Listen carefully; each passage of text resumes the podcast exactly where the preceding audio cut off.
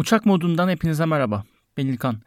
Bugün geçtiğimiz hafta tüm dünyanın şok olduğu, izlerken böyle ellerini başlarının arasına aldığı Amerika'daki kongre baskını ve ardından Trump'ın Twitter tarafından engellenmesini konuşacağız. Tabi burada kısa bir özet geçeceğiz. Hani doğru mu yanlış mıdan ziyade o daha başka ve uzun bir konu.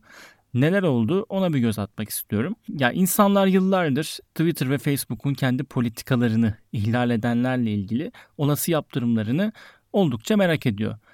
Çünkü bu yeni bir şey değil ve bundan önce Covid-19 ile ilgili yalan haberlerden tutun çeşitli nefret söylemlerine kadar birçok şey platformların içerisinde görünmeye halen devam ediyor. Tabii buna karşın göz ardı edilmesi kolay olan iletilere silmeden yavaş yavaş etiketler eklenerek bunun yanlış olabileceği ile ilgili bunun daha fazla insana dağılması zorlaştırılmaya başlansa da bir süredir bu gönderilerin sahiplerinin platformlardaki akıbetleri uzun yıllardır bir merak konusu. Çünkü bu gönderiler sadece etiketlenenlerle sınırlı kalmıyor. Ee, ve Donald Trump da bu bağlamda uzun yıllardır bir tartışma konusu yine. Ancak bugüne kadar hem sıfatı başkan olduğundan hem söylediklerinde bir kamu yararı görülmek istenmesinden aslında hem de e, söylediklerinde zaman zaman haber değeri olduğundan dolayı e, Twitter hesabına büyük müdahalelerde bulunulmaktan her zaman kaçınıldı sosyal mecralar tarafından.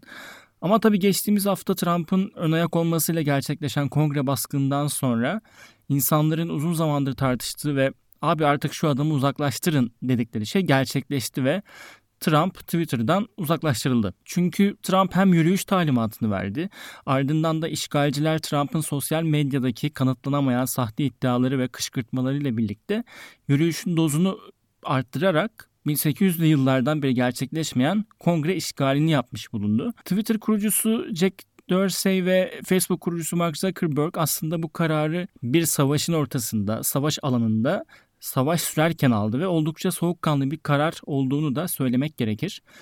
Ee, Trump haricinde de milyonlarca kullanıcı tweetlerinin yavaşlatılması ve engellenmesiyle karşı karşıya kaldı ayrıca. Facebook ise ilk refleks olarak en başta 24 saat süreyle Trump'a engelleme kararı verdi Twitter'ın ardından.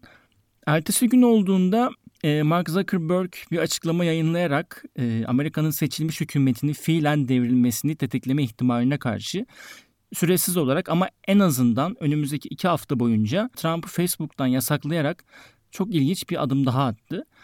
Bunun akabinde Trump biraz daha yumuşadı ve geri adım atmış gibi oldu yayınladığı açıklama ile. Ama tabii Twitter'ın gazabından kurtulamadı. Twitter yasak kararını önce Twitter Safety hesabından bir flot ile duyurdu. Daha uzununu da blok olarak paylaştı. Blokta derinlemesine bir inceleme gerçekleştirdiklerini, Trump'a da hesabını engelledikten sonra tekrar normal hale getirip aslında son bir şans daha verdiklerini de söylüyorlar. Ama tabii ertesi gün Trump'ın attığı iki tweet daha e, Twitter tarafından bardağı taşıran son damla oldu sanırım ve daha geniş bir açıklamayla bütün sebepleri tekrar açıklandı. Sebep olarak da şunlar gösterildi. Birincisi e, Trump'ın e, başkanlık devir teslim törenine katılmayacağını açıklaması seçimin meşru olmadığını belirtmesi anlamına geldiği için aynı zamanda Twitter devir teslim gününde gerçekleştirilecek olan törenin Trump yandaşları için bir hedef haline gelebileceğini ve şiddet eylemlerinin de olabileceğini düşündü. İkincisi Trump yine açıklamasında e, destekçilerinden bazılarını tanımlamak için Amerikan Patriots yani Amerikan vatanseverleri gibi bir kalıp kullanması kongreye şiddet eylemi gerçekleştirenlerine de destek veriyor olarak yorumlandı ve öyle göründü. Üçüncüsü Trump'ın destekçileri için kullandığı yine onlara haksız muamele edilmeyecek ve ileride dev bir sese sahip olacaklar ifadesi de yine düzenli geçici muhafaza etmek yerine seçimi kazandığına inananları desteklemeye, onları güçlendirmeye ve korumaya çalıştığını, planladığını gösteriyor. Yani Twitter'ın açıklaması ve öne sürdüğü şeyler e, sosyal mecralarda neyin duracağını ya da neyin kaldırılacağıyla ilgili nasıl bir karar mekanizmasının işlediğine dair çok önümüzdeki net bir bakış açısı aslında. Bu yüzden de bundan sonrasında da bu tartışma uzun bir süre devam edecek. Çünkü sadece Twitter'la kalmadı dediğim pardon sadece Trump'la kalmadı dediğim gibi milyonlarca insanın gönderisi de engellendi aynı zamanda. Ee, birkaç cumhuriyetçinin gönderileri engellendi.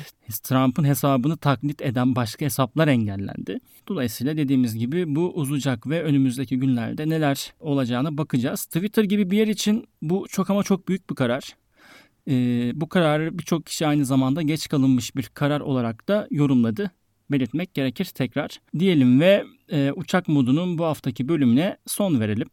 E, dinlediğiniz için çok teşekkürler. Bana e, çeşitli eleştirilerinizi ya da katkılarınızı sunmak için uçakmodupodcast.gmail.com'dan ulaşıp istediğinizi söyleyebilirsiniz. Dinlediğiniz için tekrar çok teşekkürler. Hoşçakalın.